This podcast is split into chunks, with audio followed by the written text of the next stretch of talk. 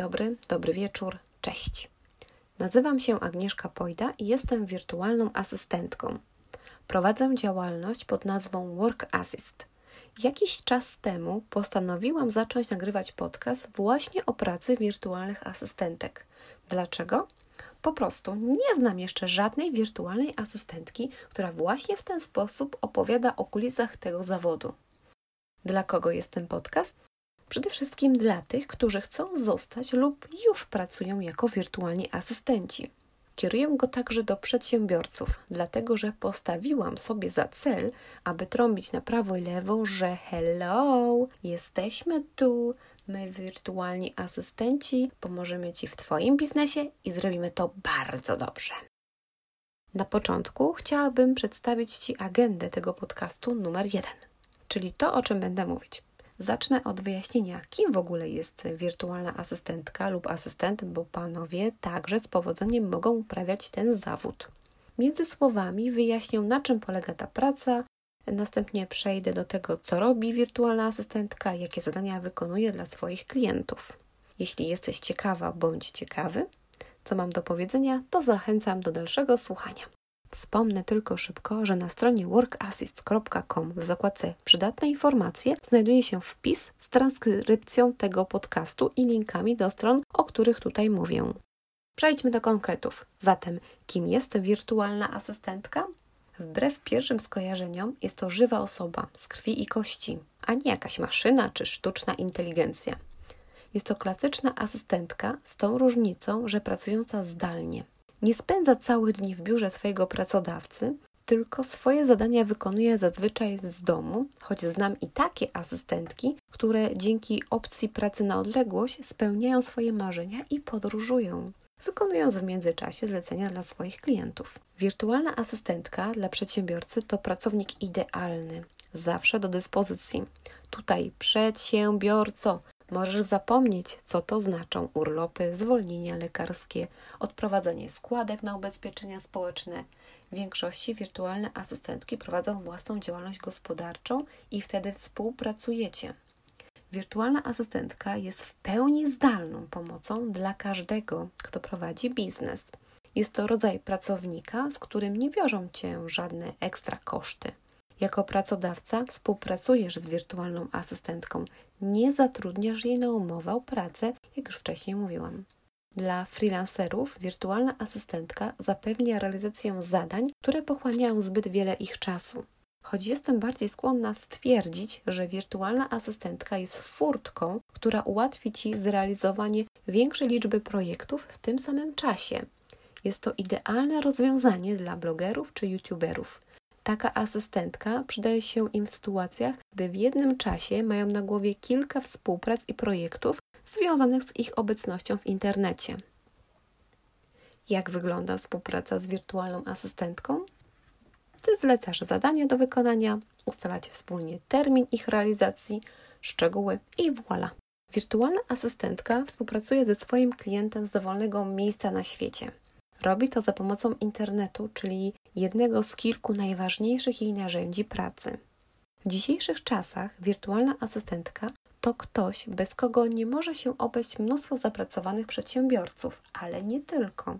Po jej usługi sięgają coraz częściej blogerzy, youtuberzy, a nawet osoby prywatne. Serio. Pewnie pomyślisz, a co taka sekretarka może zrobić dla mnie prywatnie?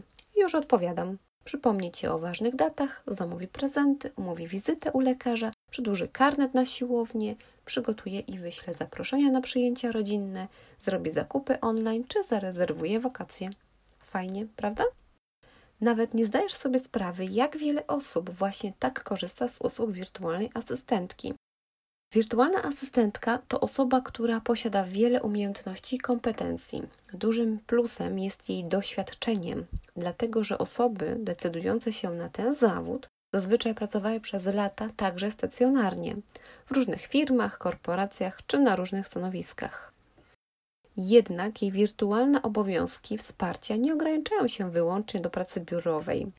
Wiele asystentek zapewnia swoim klientom usługi z zakresu marketingu, projektowania stron internetowych i innych usług. Niektórzy wirtualni asystenci specjalizują się w określonym zestawie umiejętności, Na przykład wirtualny asystent marketingu lub PR zajmuje się tylko marketingiem lub tylko PR-em.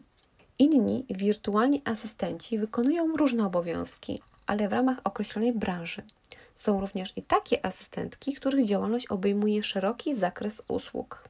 Niejednokrotnie są to umiejętności poparte certyfikatami i konkretnymi kursami. Niemal każda wirtualna asystentka na drugie imię ma kreatywność. Potrafi stworzyć nie tylko grafiki, posty do mediów społecznościowych czy na stronę internetową, ale i ułożyć niejeden plan działania dla biznesu swoich klientów. Mimo, że pracuje zdalnie, czyli na przykład z domu, to kontakt z ludźmi dla niej jest jak chleb powszedni. Zresztą, mimo pozorów, że wirtualna, to kontakt z ludźmi w tej pracy pojawia się na każdym kroku. Jak pracuje wirtualna asystentka? Wszystkie swoje obowiązki wirtualna asystentka wykonuje za pomocą internetu. Jest to podstawowe i niezbędne narzędzie jej pracy. Wykorzystuje także różne narzędzia w zależności od specyfiki zadania lub zlecenia. Myślę, że w przyszłości nagram także i o tym podcast, bo to jest całkiem fajny temat i bardzo dużo jest tych narzędzi, o których można dużo, dużo naopowiadać fajnych rzeczy. Kto jest zainteresowany? Proszę informację zwrotną w komentarzach na stronie podcastu. Jakie zadania wykonuje wirtualna asystentka? Ile asystentek, ilu klientów, ile branż, ile sytuacji, tyle zadań. Jest dużo rodzajów zleceń i projektów, których realizacji może podjąć się wirtualna asystentka. Wymienię teraz zaledwie kilka, ale tych kilka moim zdaniem jest najpopularniejszych. Mianowicie zadania standardowej administracji, np. obsługa skrzynki mailowej, opracowywanie raportów, tworzenie prezentacji multimedialnych, research, obsługa stron internetowych opartych o WordPress wraz z ich aktualizacją, obsługa social mediów, czyli tworzenie, prowadzenie stron, grup na Facebooku, kont na Instagramie, Twitterze, Pinterestie i innych, tworzeniu i wysyłce newsletterów, transkrypcji nagrań audio i wideo, copywritingu oraz wiele, wiele innych zadań. Do tematu zadań, jakimi może zajmować się wirtualna asystentka, z pewnością jeszcze powrócę w kolejnych odcinkach, ponieważ jest ich multum, a niektóre z nich wcale mm, nie muszą się wydawać takie oczywiste. No dobra, dobra, ale zapytasz, czy i do czego konkretnie potrzebuję takiej asystentki? Czy jest ona mi rzeczywiście potrzebna? Czy mogę jakoś zweryfikować taką formę współpracy, jaką oferuję? Jeśli rozważasz wszystkie za i przeciw, sugeruję, aby wypróbować współpracę z wirtualną asystentką. Możesz wtedy decydować na podstawie wyników, a nie tylko słów. Wiele wirtualnych asystentek oferuje pakiety kilku godzin na próbę. Taki sposób możesz sprawdzić, jak taka współpraca wygląda w praktyce i po wykorzystaniu pakietu podjąć ostateczną decyzję o współpracy. Sama w swojej działalności oferuję kilka próbnych godzin. Szczerze muszę przyznać, że jest to dobra opcja dla odbiorców oferty wirtualnej asystentki, którzy jeszcze jej nie, tak nie poznali do końca. Daje przejrzysty obraz tego, jak w praktyce to wszystko wygląda i na ile rzeczywiście klienci potrzebują tego naszego wsparcia. Na koniec, w ramach podsumowania, dodam tylko dla osób, które zastanawiają się nad tym zawodem, że ta praca daje wiele swobody. Nie ogranicza nas do jednego konkretnego miejsca, a otwiera wiele drzwi i to na całym świecie. Daje duże możliwości rozwoju, podnoszenia swoich kwalifikacji, zdobywania nowych umiejętności.